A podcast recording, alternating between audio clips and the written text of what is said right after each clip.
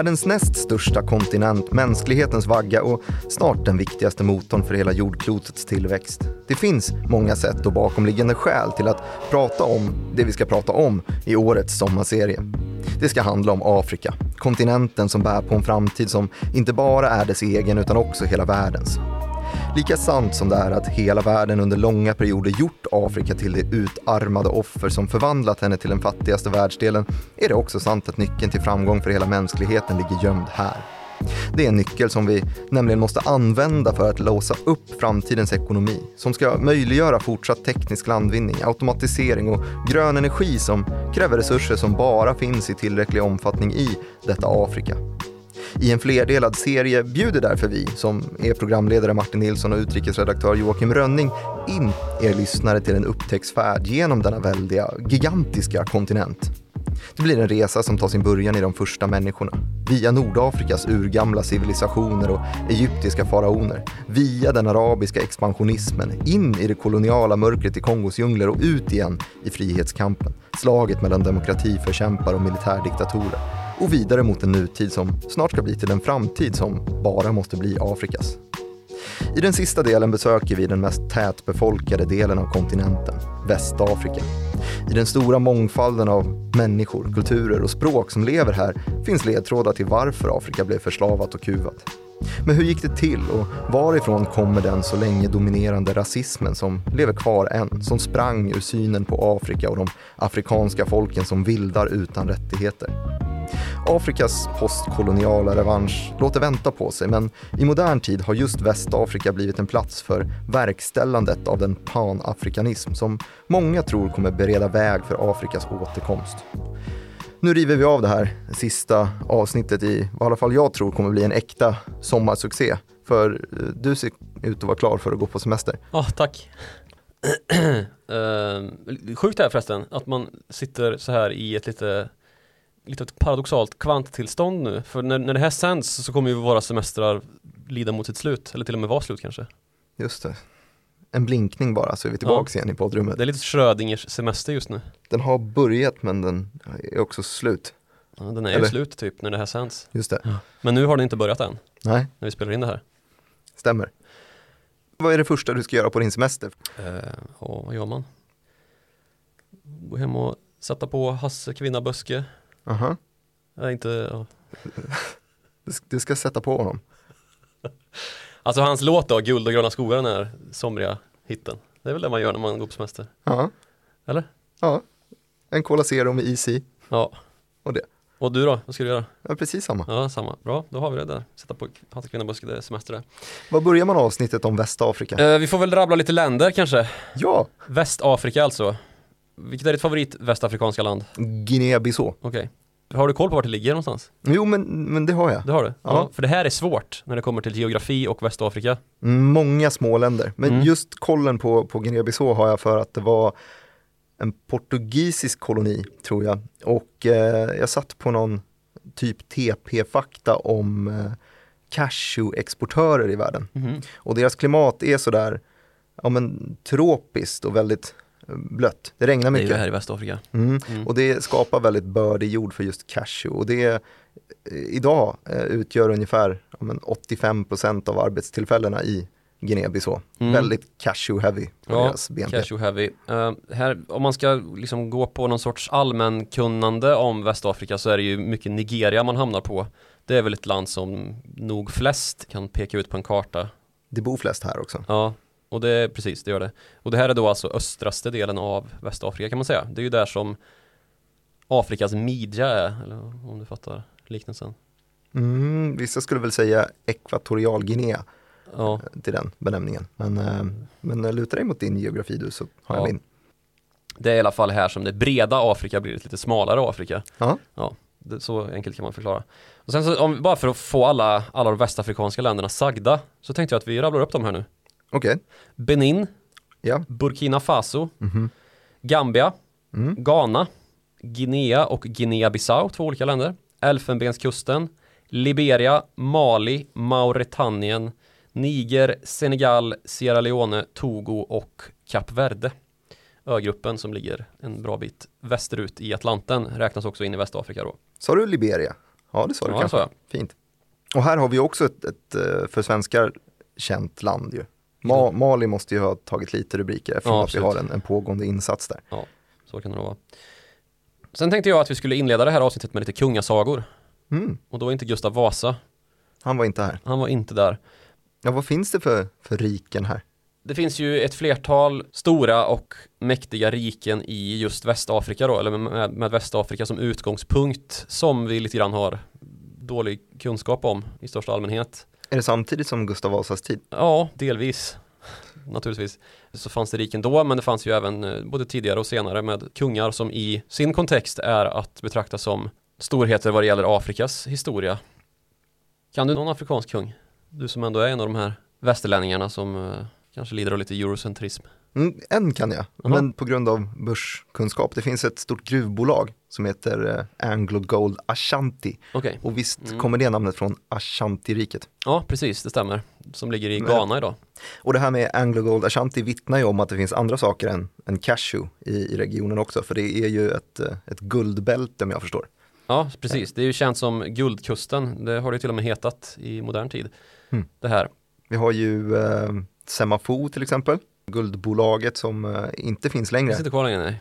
Men det var aktivt i, eh, om det var Burkina Faso kanske, eh, gick ihop med Endeavour Mining. Okej. Finns ju även historiska svenska kopplingar hit. Mhm. För det är ju så att eh, även Sverige har en viss delaktighet i den här kolonialismen och imperialismen som, eh, som rådde på 1600-talet framförallt. Har du aldrig hört talas om svenska guldkusten? Nej. Det har du inte. Cabo Corso som det hette. Vill du ha en liten uh, duvning? Cabo jag, Corso. ja, jag, jag kan väl inte undvika. Den köptes då in 1650 i vad som alltså nu, nu i nuläget är Ghana. Och som sagt, tidigare avsnitt så handlade ju det här om bolag som kuskade runt och la landområden under sig och Sverige då hade ett i form av Svenska Afrikanska kompaniet som då grundats av den svenska adelsmannen Louis De Geer, den yngre. Han är ju känd, svensk eh, stor ämbetsman. De Geer-släkten är fortfarande stor. Ja, exakt. Och det här var alltså på drottning Kristinas tid, 1650. Då fick det här kompaniet svenskt monopol då på att handla söder om Kanarieöarna. Men det var, det var ett ganska kort företag det här, eh, 13 år. Så 1663 så var sagan all. Och då hade ju utvecklingen gått från den nybyggaranda som rådde då när man la Cabo Corso under sig till att försöka upprätta någon sorts handelsverksamhet med eh, guvernörer som kom att bli korrupta. Av någon anledning så verkar det ju bli så när man hamnar i Afrika att det blir korruption och de styrande försöker berika sig själva. Så blev det även för de svenskar som hamnade här då och det här fortet som man hade anlagt här kom att övertas av danskar. Det utbröt krig med eh, danskar just av den här anledningen. Och sen så återföljde i svenska händer efter en eh, så kallade freden i Köpenhamn 1660. Och sen till slut så blev slutpunkten för den svenska slavhandeln, för det var man faktiskt involverad i här, att den avsatte guvernören då, den korrupte guvernören, helt enkelt sålde kolonin till Nederländerna, stoppade pengarna i egen ficka och drog. Mm. Så, Exit. Ja, en riktig exit. Idag om man slår i nyhetsarkivet på, på Ghana just så nämns inte det där längre. Nej. Men eh, det som domineras är väl Aker Energy, norska. Mhm. Så det finns väl just lite det. olja Det är ju olja här i Ghana också. ja, som har gjort Ghana till en ekonomi att räkna med i våra dagar. Men om vi ska prata riken utöver Ashanti då så kan man ju prata om Beninriket, en mycket belevad högkultur som fanns här redan före 1000-talet. Det finns en hel del konst faktiskt som är bevarad. Man blir ganska häpen när man ser det eftersom att man har så dålig koll på Afrikas historia. Mm. Sen så har vi, om man ska prata ekonomi så är det naturligtvis Maliriket man måste gå till för att hitta en riktig sån koppling. För det är ju nämligen så att världens rikaste man genom alla tider heter ju inte John D. Rockefeller eller Bill Gates eller Elon Musk. Han heter ju Mansa Musa. Mhm. Mansa Musa av Timbuktu. Precis där svenska FN-styrkor har 200 någonting personer i, i Mali just nu. Men det håller väl på att avvecklas. Ja, men det har i alla fall gått ut för sen, eh, sen Mansa Musa. För han är ju mest känd för den guldinflation som han spred på sin väg till Mecka. För han var ju muslim och när det begav sig då på 1300-talet så i hans följe då på 60 000 man så hade varje soldat utrustats med två kilo guld som de skulle sprida i basarer längs vägen för att klara sig. Och det gjorde de ju. De klarade sig så pass att guldets värde kom att devalveras här längs resvägen i ett decennium. Klassisk inflation kan man säga. Och guldproduktion är väl än idag Malis stora del av BNP? Ja, Mali är en av de största guldproducenterna i Afrika. Sydafrika och Ghana, som sagt guldkusten, är ju också stora i, i detta. Mm -hmm. Så har vi Igbo-riket, eller det är mer känt som då konungariket Nri. Som då existerade i medeltida Nigeria, vad som nu är Nigeria då. Och det är ett kungarike som slets sönder av slaveri och kanske mest känt för att alla som kom till Nri blev befriade från sitt slaveri. Men sen på 1700-talet så uppkom andra riken, bland annat just Benin som jag sa. Och den atlantiska slavhandeln då som eh, kom under 1700 1800-talet blev dödsstöten för Igboriket. Men här finns det kungagravar som går tillbaka till 900-talet och det finns skapelseberättelser och en liksom samhällelig ordning som har gällt ända fram till dess att Nigeria blev koloniserat av britterna början på 1900-talet. Nu har vi ju kommit in på slaveri och nämnt det och det nämndes också i, i introt just ledtrådarna mm. till varför det blev så här, varför rasismen kom, kom till. Ja, det är ju en fråga som tål att ställas det här alltså. Varför blev Afrika världens offer liksom? Varför valdes Afrika ut för att producera slavar? Det är en fråga som inte är så lätt att svara på bara med några få ord. Men det är också därför vi valde att börja det här avsnittet lite grann med att berätta om några kungadömen lite kort. Det finns ju naturligtvis eh, en oändlig mängd av kungadömen som har existerat i Afrika eftersom att Afrika är alla civilisationers vagga. Alltså där människan kom ifrån så är det ju här det har funnits människor under längst tid och det har bidragit till att vi har fått en enorm mångfald i Afrika.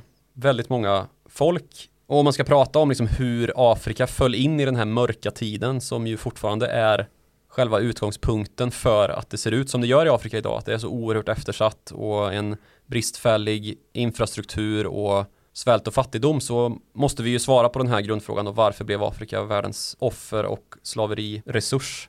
Och det grundläggande svaret kanske är hegemoni. Det har vi pratat ganska mycket om och tenderar att återkomma till. Det här att någon alltid är den största makten. Någon har de största rikedomarna, de största tekniska landvinningarna bakom sig och har därigenom möjlighet att göra vinst helt enkelt. Afrika var ju inte den världsdelen som hade det här när det kom till att Europa hade tagit sig ur sin, sin trista gråa medeltid och börjat uppfinna de ting som skulle komma att användas då för att förslava Afrika. Och i Afrika då så finns det ju flera faktorer som samspelade för att det skulle bli just offret då. Först och främst så är det ju som sagt en väldigt uppblandad region med en enorm mångfald. Det är väldigt många folkslag som konkurrerar om samma resurser här. Och trots att då västerlänningar kan tendera att ha lite svårt att se skillnad på afrikaner ur olika folkslag så är den här skillnaden mellan afrikaner större än den är någon annanstans, alltså i någon annan världsdel. Och det gäller inte bara genetiskt utan också språkligt och kulturellt. Det finns alltså tusentals språk här och det blev i princip omöjligt att skapa den panafrikanism, alltså den likriktning som man nu försöker få till. Och faktorn då att man inte hade lyckats skapa några gränsöverskridande samarbeten gjorde ju dels då att stora innovationer gjordes på andra platser, alltså gick förbi Afrika och att det till exempel då i vita Europa och Kina där det var klart mer likriktat kunde göras upptäckter då som blev väsentliga för att sen kolonisera Afrika. Vad tänker du då på som, som uppfinns i Asien och i Europa? Krut är väl ett utmärkt exempel. Mm. Som då uppfanns i Kina från första början. Enligt rådande historiedogm så verkar det vara så att det kom från Kina men att den första vapentillverkningen med krut kom att bli till i Mellanöstern och sen kom européerna att mångfaldiga och satsa ordentligt på krut och vapentillverkning då. Alltså i det att man byggde kanoner, gevär, pistoler och kunde nå en högre effektivitet i såväl jaktsyften som till andra mer krigiska ändamål då. Och sådana här stora innovationer då kom alltså från Europa och Asien och Mellanöstern snarare än från Afrika där den här stora mångfalden gjorde att just stora innovationer var svåra att samutveckla. Det var mycket lättare i de nämnda regionerna då. Det var mindre språkuppblandning, mindre konkurrens om de resurser som fanns då. Och dessutom så var ju den här mångfaldigheten i Afrika då en faktor som gjorde att Afrika blev lätt lätt att splittra också liksom manipulera och avfolka hela regioner Och det gjorde i nästa steg att Afrika blev fattigt för att det dränerades på den fysiskt mest arbetspotenta befolkningen i form av unga män då framförallt. Mm, det här är någonting som jag tänkt på en del, just var moralen ligger i det hela. Det här har ju varit ett ställe där högburna kristna vita män har tagit sig för att plundra och det verkat gått ganska enkelt också. Ja, även araber ska man ju tillägga. Det är ju inte ovanligt att man till och med beskyller de svarta afrikanerna för att vara skyldiga till sitt eget slaveri då eftersom att det var en del stamhövdingar som begick affär i att ja men hej portugisiska äventyrare varsågod och lägg beslag på grannstammen så har vi lite bättre resurstillgångar och förse oss med. Och så kom eh, situationen eskalerar då i att de här kungadömena, bland annat några av dem som vi pratade om nyss, kom att kollapsa då i en tid då det uppstod det här behovet av arbetskraft som följde då av industrialiseringen i Europa och de råvarubehov som kom därifrån. Och när då den här instabila situationen kunde utnyttjas så skedde det genom att man lätt kunde köpslå med afrikanska stamhövdingar som då sålde konkurrerande stammar och skapade mer plats åt sig själva då ofta i utbyte mot skjutvapen, sprit och andra handelsvaror som ytterligare då kom att destabilisera den här situationen. Men det är också en ganska så missvisande tolkning som ligger bakom att vi tänker på det här viset. Och ens kan föreslå då att de svarta afrikanerna i inledningen av förslavandet var skyldiga till det som hände sen för att man köpslog då med först araber och sen västerlänningar. För egentligen så handlar det ju inte om att afrikaner sålde afrikaner utan att det var ungefär lika enkelt att förstå som konflikten mellan Iran och Saudiarabien, alltså Shia mot Sunni. I det att afrikanska stammar såg på varann, inte ur liksom den här panafrikanska moderna kontexten som svarta bröder, utan som konkurrenter om samma tillgångar ju. Alltså att afrikaner identifierade sig som man gör mest, liksom, även i övriga världen, som tillhörande ett folk ur en kulturell och framförallt språklig kontext ju.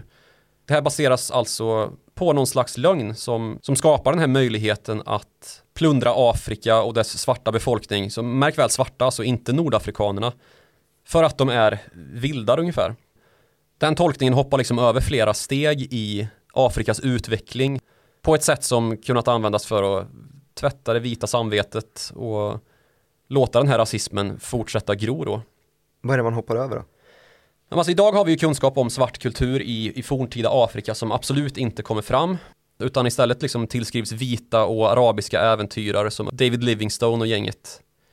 Det säger sig ju självt att när de första människorna kom härifrån, de första civilisationerna var här, så har ju all utveckling sprungit här ur ju. Så det finns ju bevis på då tidiga skriftspråk som helt ignoreras för att då kunna befästa en idé om att de svarta afrikanerna helt enkelt var ointelligenta vildar som inte hade något att sätta emot då när västeuropeerna kom att de var underutvecklade civilisationer. Frågan blir då var, var härstammar den här idén ifrån? Mm. Och här kan man ju lägga olika perspektiv på det hela naturligtvis. Men om vi, om vi ska gå till utvecklingen av människans historia så får vi ju i någon mån titta på vad som sammanfogar och berättar historien, alltså själva myten om människan och då, då är ju de religiösa texterna ganska så sammanbindande ju, både för hur människan har beskrivit sig själv och sina civilisationer, sina tankar men också då hur människor har sammanfogats i samhällen och kunnat samexistera och bilda civilisation. Och så kan man ställa sig frågan då, finns det liksom en rasistisk religionstolkning här i grunden? För stora delar av Afrika är ju kristnat idag. Det kom ju med sjöfararna från Portugal bland annat som tog med sig den katolska kyrkan. Så det kanske finns någon nyckel där då att hämta liksom ur Bibeln och hur den har tolkats och spridits som en idéhistorisk sanning liksom som har fortplantat sig och då pratar vi inte bara vår egen religion, kristendomen, utan också då abrahamitiska religioner i sin helhet, alltså judendom och islam också. Och där så går det att hitta en idé som används praktiskt för att försvara då rent moraliskt som du var inne på att många av de här äventyrarna såg sig som moraliskt uppburna män som var strikt religiösa kristna som ändå klarade av att göra det här utan att känna någon moralisk skuld överhuvudtaget uppenbarligen. Och den hänvisning som jag vill ta upp då är Noaks förbannelse av Ham Ham som alltså var hans son som i första Mosebokens nionde kapitel vers 20 till 27 drar skam över sin far, alltså Noak då, som ja, det här låter ju ganska fånigt, men han, han super sig full Noak och så kommer hans son Ham in i tältet där han ligger naken och berusad. Mm -hmm. Han går ut och berättar för sina bröder att där inne ligger farsan och är packad. Och bröderna går in då med kläder till honom Och så vänder de bort blicken så att de ser inte Noak i sin nakenhet. Och det här då när, när Noak vaknar och inser vad som har hänt så då skäms han så vådligt att han skäller ut Ham, berömmer istället brodern Jafet och så kastar han en förbannelse över, inte Ham utan Kanan som är då Hams son, alltså Noaks barnbarn. Och så sker här en regionsindelning då där Jafet får nord och Ham får syd, alltså att Hams efterbörd, det är barn va? Ja. Hams barn, alltså bland annat Kanan, blir sydlänningar. Då pratar vi ju det heliga landet, alltså inte så långt från Afrika. Så afrikanerna ska ju då vara ättlingar till Ham och vi europeer, alltså norröver från det heliga landet, blir ju ättlingar till Jafet då istället. Så då kunde man motivera och eh, moralisera sig till rätt sida av slavhandeln genom att Ja, eh, ungefär så enkelt är det faktiskt. de bär på skam. Ja, de bär på skam, de bär på förbannelse, de förtjänar inte att vara annat än slavar. Det här har de försatt sig själva ungefär. Och så kan man därigenom hävda då att nej, men, eh, de svarta hövdingarna, de sålde ju sina grannstammar, så varför ska vi dra någon sorts moraliskt lass för deras skull? Trots då att själva utföraren av slavhandeln naturligtvis var de vita européerna. Så summa summarum så finns det kapitalistiska incitament så eh, går det att tolka till sin fördel. Ja, det, så enkelt kan man väl också tolka det liksom. Men först och främst så handlar det ju om vit överhöghet liksom, som eh, slavförespråkare, alltså intellektuella slavförespråkare i alla tider har försökt få till då att det är ett grundtillstånd att vita människor är överställda svarta människor. Vilket ju är helt absurt då ur en evolutionär kontext naturligtvis. När det de facto är så att mänsklighetens vagga stod i Afrika liksom. Och att skriftspråken utvecklades från afrikansk tradition som fördes upp i tvåflodslandet, som möjliggjorde att det skulle skrivas en bibel överhuvudtaget.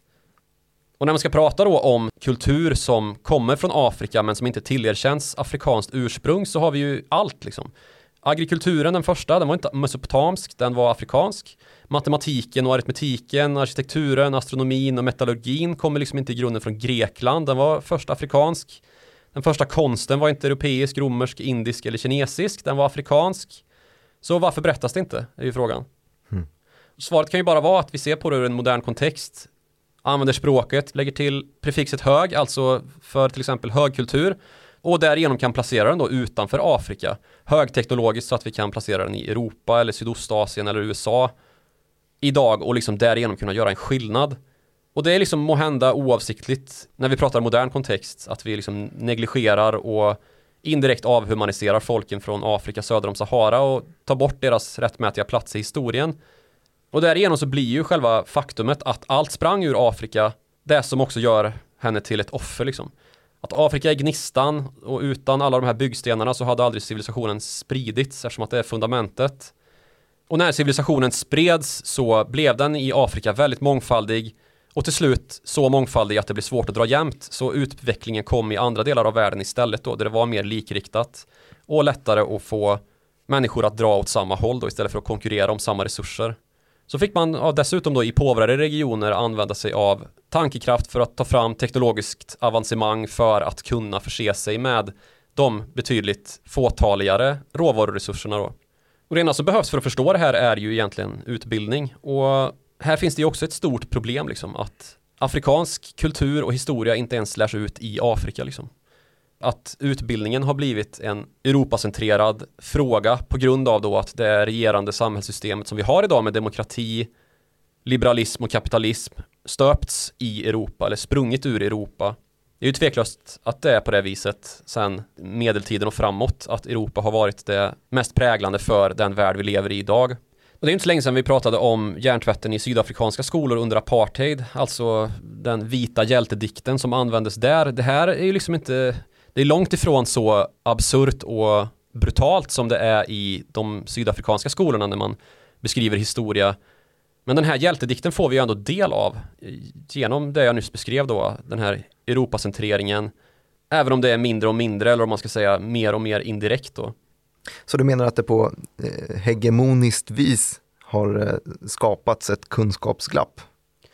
Ja, men sen så handlar det naturligtvis också om perspektiv. Det finns ju andra faktorer som har spelat in väldigt mycket. Ökenspridning till exempel, som på några få generationer ledde till ökad mångfald och konkurrens i Afrika. Att klimatförändringar helt enkelt ledde till att svält bröt ut i samhällen i Sahara och ledde till migration, ökad oro. Det ser vi ju liksom i moderna samhällen också hur det blir när migrationen sätter fart och assimileringen inte hinner med liksom. Vad har du för exempel på, på det? Ja men migration är vi väl rätt dåliga på i Sverige till exempel. Det är bara att titta på svenska utanförskapsområden, miljonprogram och hur svårt vi har haft att assimilera in immigranter i samhället. Mm. Och sen sist men inte minst då så har vi ju naturligtvis den globala resurshungern då. Återigen, råvaruförbannelsen. Vi har kanske pratat nog om det men bara för att få in det i kontexten också då. Industrialiseringen i Europa behövde råvaror, de fanns i Afrika som då blev liksom huvudmålet för hela dess omvärld egentligen, inte bara Europa utan alla som ville handla med Europa också. Men det perspektivet som jag tycker att man bör komma tillbaks till och göra upp med är historia. Civilisationsuppbyggnad innan européerna kom dit och det finns till och med ett perspektiv då som man kan prata om att de afrikanska samhällena var i en högre grad utvecklade kring en tro på humanism. Att de afrikanska folken hade liksom genom att vara de första civilisationerna kommit längre i sin moraliska utveckling och inte riktigt kunde föreställa sig den grymhet som skulle komma av att välkomna främlingar in i samhällena då. För moralisk karaktär och förlåtelse lyfts fram som det allra högsta i samtliga de här gamla afrikanska kungarikena som vi nämnde. Kungar i Benin, Igbo-riket, Bokongo och Ashanti bland annat då har alla uttryckt det här i brev till sina europeiska regentkollegor. Och det är liksom genomgående hur det antas att en eventuell fiendeskap som slutar i då att någon hamnar som underställd efter en konflikt, alltså blivit besegrad, leder till att den segrande sidan då liksom måste tillerkänna förloraren sitt moraliska förmyndarskap då. Och att den här tanken är någonting som måste respekteras av alla. Som en, en helig princip nästan. Men vänta, hur, hur har det uttryckts i, i brev mellan alltså kolonialmakter och ja. de underställda? Den mest frekvente brevskrivaren då eh, är Kongorikets kung under början av 1500-talet. Mwemba Nzinga han korresponderade då med två olika portugisiska kungar under sin livstid. Eftersom att det var portugiserna då som var de allra tidigaste kolonisatörerna här som eh, upprättade handelsstationer och började skeppa slavar över till Latinamerika var det led ju. Många av de här breven finns bevarade än idag alltså. Han var också kristnad, han pratade portugisiska, var en lärd och utbildad man. Och jag tänkte att jag skulle läsa lite ur ett av de här breven som då är fritt översatt från portugisiska av Google Translate. Mm. Mm. Vad skriver han? Han skriver så här. Varje dag kidnappar handlare vårt folk, barn av vårt land, även nådla ämbetsmän och vasaller. Till och med folk från vår egen familj. Denna korruption och detta sedefördärv är så utbrett att vårt land avfolkas. Vi behöver endast präster och lärare från er, inte handel, såvida det inte är vin och mjöl för att förrätta nattvard vid mässan. Det är vår önskan att vårt kungadöme inte blir en plats för handel eller uttransport av slavar, skrev han alltså. Kung, kung Mwemba Nzinga. Som eh, kanske ännu tydligare i tidigare brev framstår som ganska förblindad av förtroende då för portugiserna. Som om de ungefär levde efter samma heliga princip då. Att den fiende man har slagit ner visar man nåd. Ja, precis. Och det här insåg han väl först när det redan var för sent och det här brevet är eh, skrivet då i det skedet. För kung Joao, den tredje av Portugal, som han hette, svarade så här på brevet. Du säger att du inte vill ha några slavhandelsstationer i ditt land för att detta skulle bidra till att avbefolka Kongoriket. Men de portugiser som är på plats säger det motsatta. Berättar hur vidsträckt Kongo är och att det är så tätbefolkat att det fortfarande inte tycks ha avrest en enda slav därifrån. Så desillusioneringen ut från det här blev ju inte annat än att kungarikena som européerna kristnade och handlade med föll och slavhandeln då stod i full blom. Men du, jag har hittat ett fel i, i din historia här. Alltså? Mm. Kunskapsglappet som du har pratat om gäller ju i princip bara söder om Sahara, för Egypten är ju någonting som verkligen det har berättats om. Mm, intressant va? Nu ser det sådär mallig ut. Ja. Men Egypten då, eller hela norra Afrika egentligen, det är ju den landsände som användes för att bygga civilisation i Europa ju. Alltså den civilisation som greker, romare och andra folk runt Medelhavet, men framförallt greker och romare naturligtvis, korresponderade med, handlade med och krigade mot ungefär. För övrigt anser jag att Kartago nej, det ligger väl där, Tunisien. Ja. Vem var det som sa det då? Kato. Wow. Den äldre eller den yngre? Den äldre. 50-50 slår han in. Ja. Ja. Men därmed så är det inte så konstigt att Egypten har blivit så pass intressant då att utforska. För det är ju det som saknas då, utforskning av södra Afrika. Eller Afrika söder om Sahara. Men inte ens Egyptens kulturella skatter är ju första av sitt slag liksom. Trots att det är vad som framförallt brittiska historieskrivare försöker lyfta fram då. Arkeologer som har varit i Giza och Memphis och utforskat pyramider. Och visst, de första pyramiderna är ju av den här sorten i alla fall, de här gigantiska, är ju egyptiska, men de första byggkonstverken av detta snitt är från söder om Sahara, i Zimbabwe är de uppförda. Den första mumien är inte ens egyptisk faktiskt, utan kommer från Uan Mohogiag som ligger i västra Libyen. Och det är av en svart person alltså, som eh, den här första kända balsameringen har gjorts. Och det gjordes alltså över tusen år innan den första kända egyptiska mumien. 5600 år före Krist snackar vi om. I vad som nu är Saharaöknen. Vilket kanske låter konstigt, en svart person som balsamerades där. Och det här blev ju väldigt mysterifierat när, mystifierat heter det va? Mm. När den här upptäcktes på 50-talet eftersom att det slog sönder hela idén om att Egypten ska ha varit den första högkulturen som eh, bevarade sina människor för eftervärlden och begravde dem på ett sånt här högtidligt sätt. Att det var en svart person som uppenbarligen hade begravts på samma sätt tusen år innan den första egyptiska mumien som man har hittat. Och då talar mycket för att det rör sig om ett folkslag som då har rört sig från söder om Sahara med monsunen upp genom öknen innan öknen blev ogenomtränglig för de här folken året runt. Vilket alltså också är ett bevis på att kulturen kom från Afrika söder om Sahara och till och med hade inflytande på vad som sedermera kom att bli Egypten då. Så det här är ju ytterligare ett bevis på att historiska led kapas, att man helt enkelt nöjer sig med att konstatera att Platon pratar ju om Egypten som det första och det största, där all hemlig kunskap finns.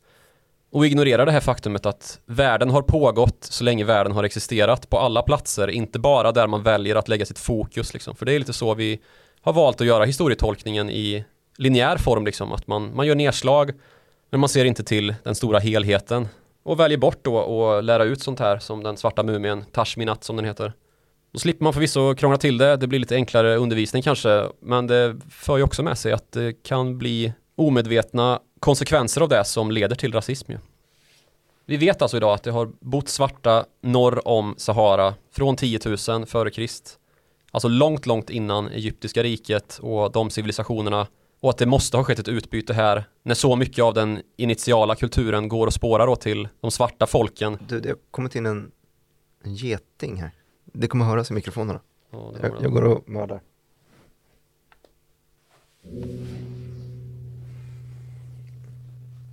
Tappar du tråden? ja är det okej? Nej. Vi kanske är klara med mumie historia. Mm. Jag blir jättesvettig nu. Ja, fy fan vad varmt det blir. Ja, okej. Men vi pressar på. Ja. Ehm.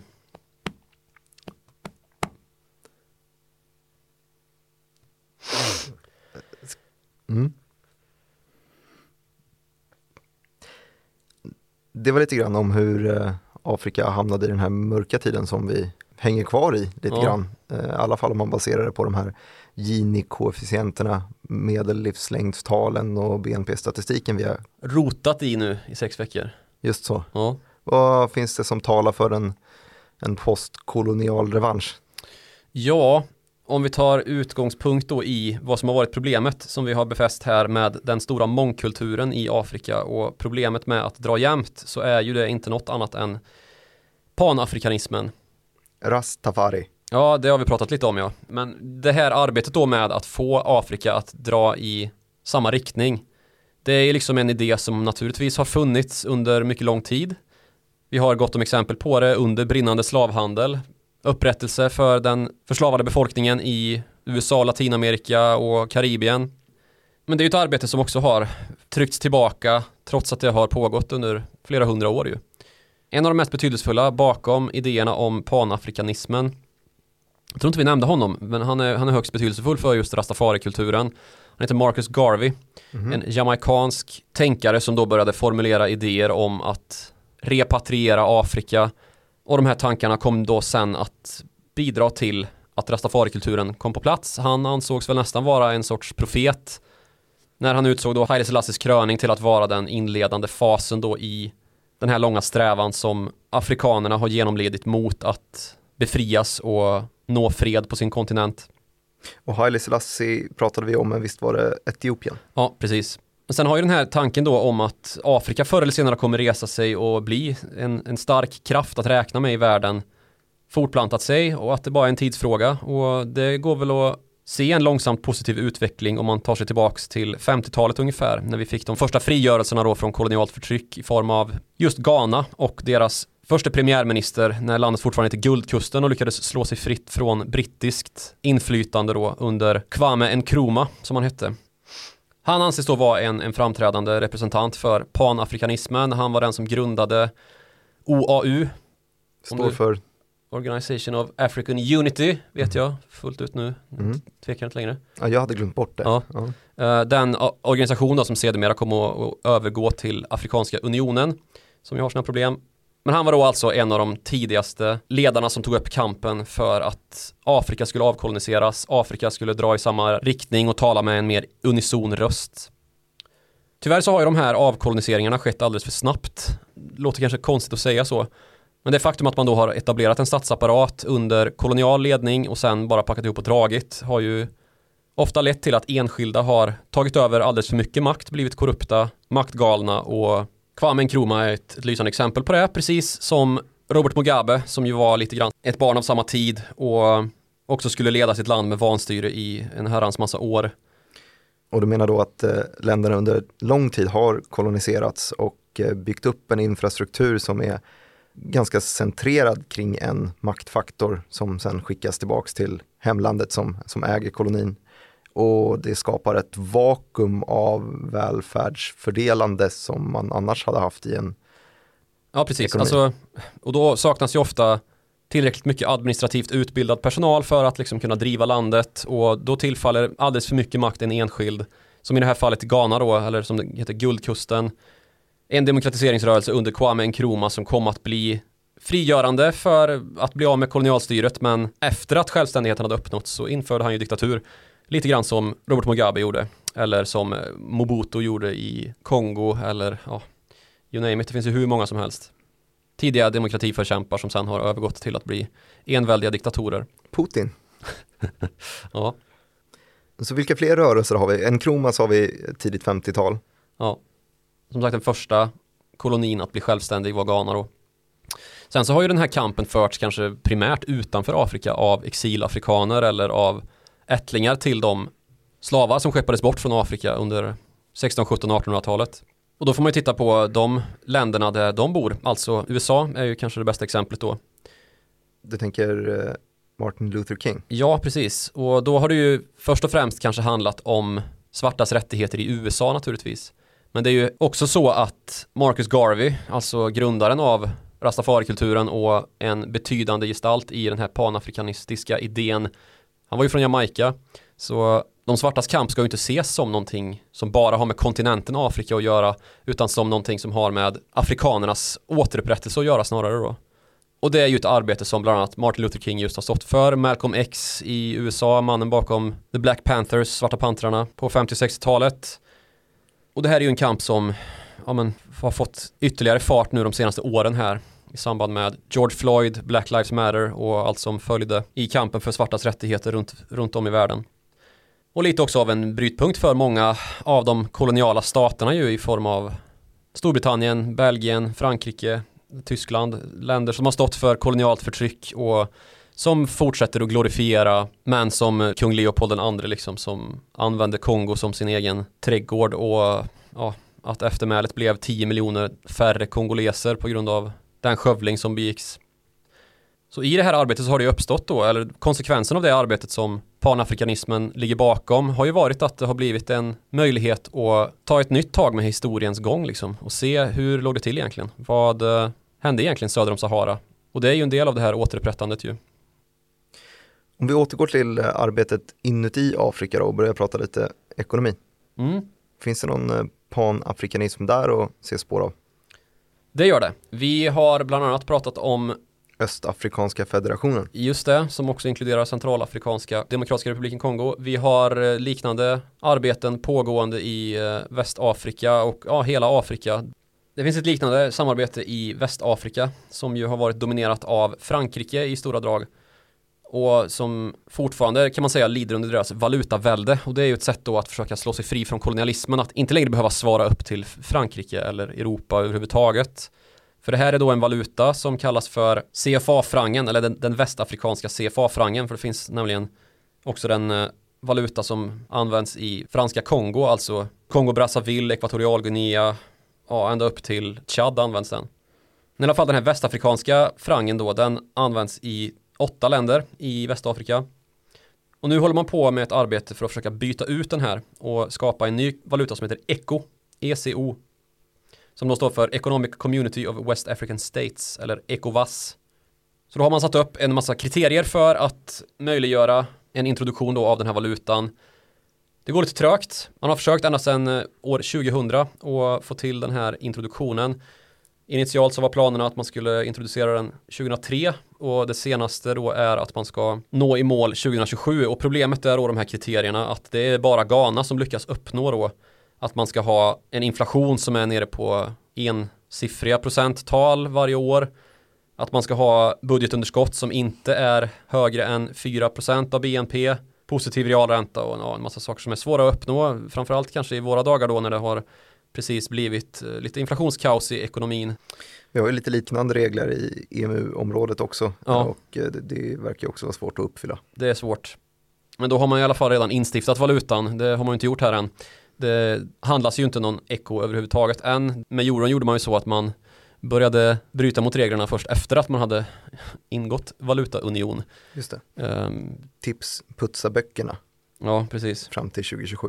Mm. Och sen så har vi som ett annat steg då i att försöka göra Afrika starkare i sig självt. För det är ju det det här handlar om, att försöka bryta sig loss från franskt inflytande då eftersom att den här västafrikanska frangen är peggad till euron. Och det finns väl två sidor att se det hela på då att dels så bidrar Europeiska centralbanken som ju sitter på makten över euron med någon sorts stabilitet då. Andra hävdar att den här västafrikanska frangen gör att ekonomisk planering och um, utvecklingen i de här länderna i Västafrika blir krångligare då eftersom att man inte sitter på den fundamentala makten över penningpolitiken. Samma typ av problematik som inom just EMU där vi har vissa länder som skulle må bra av en ränta på 5% och vissa som skulle må bra av en ränta på 1% Ja, och så ska precis. man balansera det där. Och det är noterbart hur ointegrerade de här två olika regionerna är, alltså EMU-området och Västafrika. Det är ju inte så att man har något större utbyte mer än till Frankrike och det gör ju att Frankrike får en fortsatt särställning då till sina gamla kolonier. Så man kan väl säga att slutsatsen är att det, det har varit, kanske varit bra för stabilitet men det har inte liksom i övrigt hjälpt till att skapa utveckling för Västafrika i ekonomiska termer. Och visst, det är ju mycket så i Afrika att stabil politik är det som föregår ekonomisk utveckling. Så det, det här är en fråga som är öppen för debatt och den debatten förs ju nu och har gjort så i ja, 22 år och det verkar väl som att det kommer dröja ytterligare minst fem år i alla fall innan vi har en ny valuta här i Västafrika. Ett tydligt problem med integreringen måste ju vara att länderna i ganska stor grad går i otakt. Vissa mår superbra och vissa har det skit. Ja, precis som i euron. typ. Att det var ju det som gjorde att euron var nära att falla där. 2012. Ja, precis. I kölvattnet av stora globala finanskrisen. När Grekland var på väg att gå kalops. Bankrutt ja. Ja. ja. Och om panafrikanism då ska handla om att gå i, i lite mer samma takt eller i alla fall dra åt samma håll då så är eh, väl det bästa exemplet på det ur en lite mer modern kontext African Continental Free Trade Area ett frihandelsområde då som idag upptar större delen av Afrika. Alla har numera gått med förutom Eritrea tror jag är det enda landet som inte är med. Och det är en ganska så begränsad ekonomi som gör det här, den här organisationen då till den största frihandelsklubben efter Världshandelsorganisationen. Och det här betyder alltså att nästan alla länder i Afrika idag kan handla tullfritt på de flesta varorna och tjänsterna. Och att man numera då verkar för att få en högre andel handel internt i Afrika Vilket då ska leda till att det blir mindre skövling, mindre rovdrift och mer möjlighet att skapa den här raffineringen av produkter som är så viktig för att skapa den teknologisering och uppfinningsrikedom som behövs för att få till välfärdssamhällen och göra stora framsteg och lyfta hela den här världsdelen ur fattigdom då. Det finns uppskattningar som gjorts att det här avtalet ska lyfta den afrikanska handeln med 52% under 2022 om man jämför då med året när det, de första signaturerna kom på pappret och det var i mars 2018 som man nådde i mål med de första. Men alla har alltså inte skrivit på än? Nej, och det har varit ett digert arbete då att komma framåt här för eh, många av de största ekonomierna, framförallt Nigeria faktiskt, var väldigt tveksamma till det här avtalet och ingå tullunion. Nigeria har 200 miljoner människor i sin befolkning. Flest i Afrika och eh, Lagos skulle ju bli på mm. topp tre-listan, eller hur? Precis, 88 miljoner 2100. Och just för att Nigeria är så stort då så var ju det här en väldigt viktig fråga då att få Nigeria att komma till bordet då och hela avtalet var under lång tid ganska så svårt att skapa trovärdighet för innan Nigeria och dessutom Sydafrika hade också avstått från att, att skriva under. Så det var ju helt avgörande då att de här två jätteekonomierna i Afrika skulle bli del av avtalet. Två länder som i övrigt har ganska upparbetade handelsrutter i sig och inte ville rubba dem. Eller? Nej, precis. Alltså Nigeria ville inte underminera lokal tillverkning och entreprenörskraft och, och det var många lokala fackförbund som tryckte på mot att liksom avstå. Man tyckte inte det var en bra idé att det skulle konkurreras med varor från andra fattigare länder då. Mm. Det föreslogs att det skulle liksom leda till migration och att man skulle istället då hamna i en ny sån här loop av motsättningar och i slutändan konflikt då, som har varit så förödande för Afrika under flera hundra år.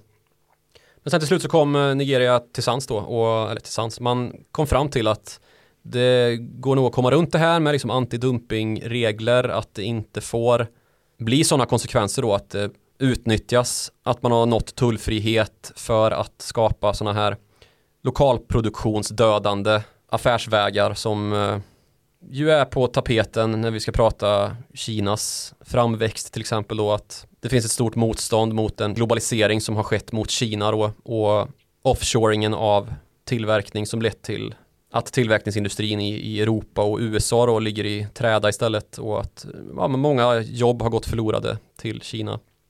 Precis samma ledgång i, i Afrika då när man skulle skriva det här avtalet och Nigeria vägrade som ett av de mer utvecklade länderna sett till näringsliv och organisering då. Det här skulle kunna vara en byggsten på det vi pratade om alldeles nyss, just en valutaunion. För att hamnar man i ett sånt här läge där vi har fri handel mellan länder men enskilda valutor så finns det ju risk att man anklagar varandra för just det som USA anklagar Kina för. Mm. Att eh, just valutamanipulera för att få en fördel i världshandeln. Precis. Nu är ju inte det här handelsavtalet någonting med eh, i alla fall initialt valutaunion att göra utan det är ju mer separata avtal som flera afrikanska regioner ägnar sig åt då dels västafrikanska CFA, alltså västafrikanska frangen och centralafrikanska frangen då som inkluderar bland annat Kongo Brazzaville och upp till Chad. Men alla de här avtalen eller alla de här potentiella avtalen ska man kanske säga potentiella nya statsbildningarna, valutorna och handelsavtalen skapar ju i alla fall en grogrund för att Afrika på ett bättre sätt kan smälta samman och börja dra åt ett håll. Och att Afrika på egen hand då kan på ett bättre sätt hantera fattigdomsbekämpning, ojämlikhet och skapa de här strukturella förändringarna i, i den afrikanska ekonomin som behövs då. Trots att Nigeria då som ju är ett av de mer, de bättre exemplen på utvecklade ekonomier i Afrika, man anses vara en, en frontiermarknad, så är ju även Västafrika underutvecklat vad det gäller infrastruktur. Det finns stora hot dessutom vad det gäller kusterosion. Det finns flera länder, Togo, Benin bland annat, som drabbas varje år av eh, ja, flera procent av BNP som rakas av på grund av då att man har en havsnivåhöjning på ett par meter, vilket ju gör det jättesvårt att bygga hamnar till exempel. En jätteviktig infrastruktur. Och man blir istället beroende av andra länder då och vägtrafik för att kunna transportera in nödvändiga resurser och framförallt naturligtvis att sälja egna produkter och det här har ju med klimatomställning att göra. Um, som slår mot väldigt sköra nationer där en majoritet av befolkningen ägnar sig åt lantbruk eller jobbar i gruvor.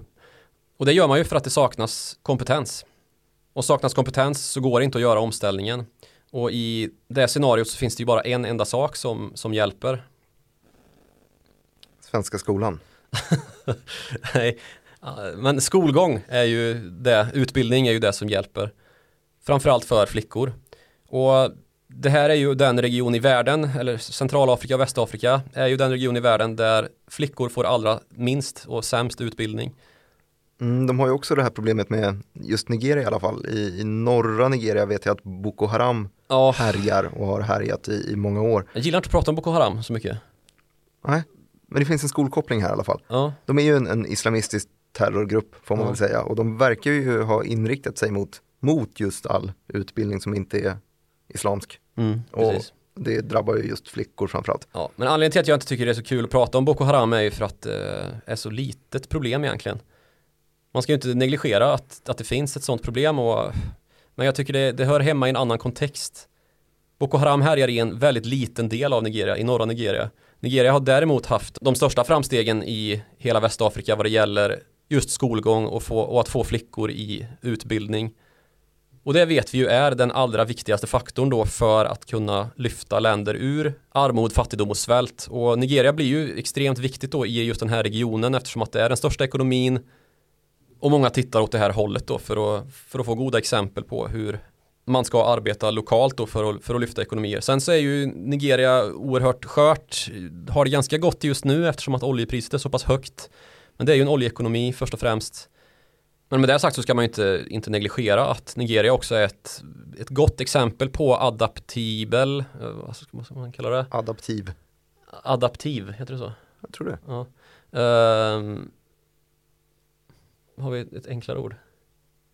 Flexibel. Flexibel ekonomi. Alltså att det går ganska snabbt att starta upp företag och testa vingar helt enkelt. Och det har man gjort nu efter Rysslands överfall mot Ukraina som ju ledde till den här stora problematiken med konstgödsel som vi har omtalat. Just det, det var Marocko som satt på en Ja, de har ju fosfattillgångar, ja precis. Men Ryssland, Vitryssland och Ukraina som ju alla tre har export nu då som brinner inne eller om man ska säga på grund av kriget och sanktionerna mot Ryssland och, och Belarus. Det har ju lett till att det har uppstått ett hål i marknaden här och det utnyttjas då av, av Nigeria som inte har en så oäven kemikalisk industri naturligtvis eftersom att man är ett oljeland men också då för att man har blivit ett regionalt nav för att raffinera kemiska produkter och dessutom lite grann Afrikas apotek. Det är här som mer än hälften av all medicin produceras i, i Afrika. Mm, det märks ju just att eh, Nigeria också verkar vara bland de mest investeringsbara eh, länderna i regionen. Om man kollar på Frontier Markets fonder så de som eh, dyker upp mest är ju överst i listan brukar det vara Egypten Ehm, som investerbart i Afrika. Ehm, sen brukar väl eh, Nigeria och Marocko turas om, om om andra platsen. Mm. Och sen så små poster i, i vissa ekonomier som dyker upp, Botswana till exempel. Mm. Och Ghana. Och Ghana dyker upp också såklart. Um, och med de orden så hoppas vi väl att det blir fler länder i, i frontierfonderna så småningom. Ja, det kommer det bli, det vågar jag lova. Det vågar du lova och eh, jag vågar lova att jag är lycklig över att ni har orkat hänga med hela sommarserien. Ja. Sex avsnitt har vi gjort nu. Ja. Är Kul. du nöjd? Ja, jag är nöjd. Är du stolt? Vi får se. Eh, det bedömer jag på reaktionerna som man kan skicka ja. in till followthemoney.direkt.se eller tagga in oss i någon form av Twitterpost och eh, då når man dig på snabel Joakim Ronning och mig på snabel direkt Martin. Vi är tillbaka när vi är tillbaka. Antagligen. Ja, kanske tar någon semester även efter det här. Jag vet inte. Jag har trött koll på när vi är tillbaka. Trött du är då? Ja. ja. en eller två veckor efter det här avsnittet då. Ja. Säger vi så. Bra. Hej. Tack för att ni har lyssnat. Vi hörs.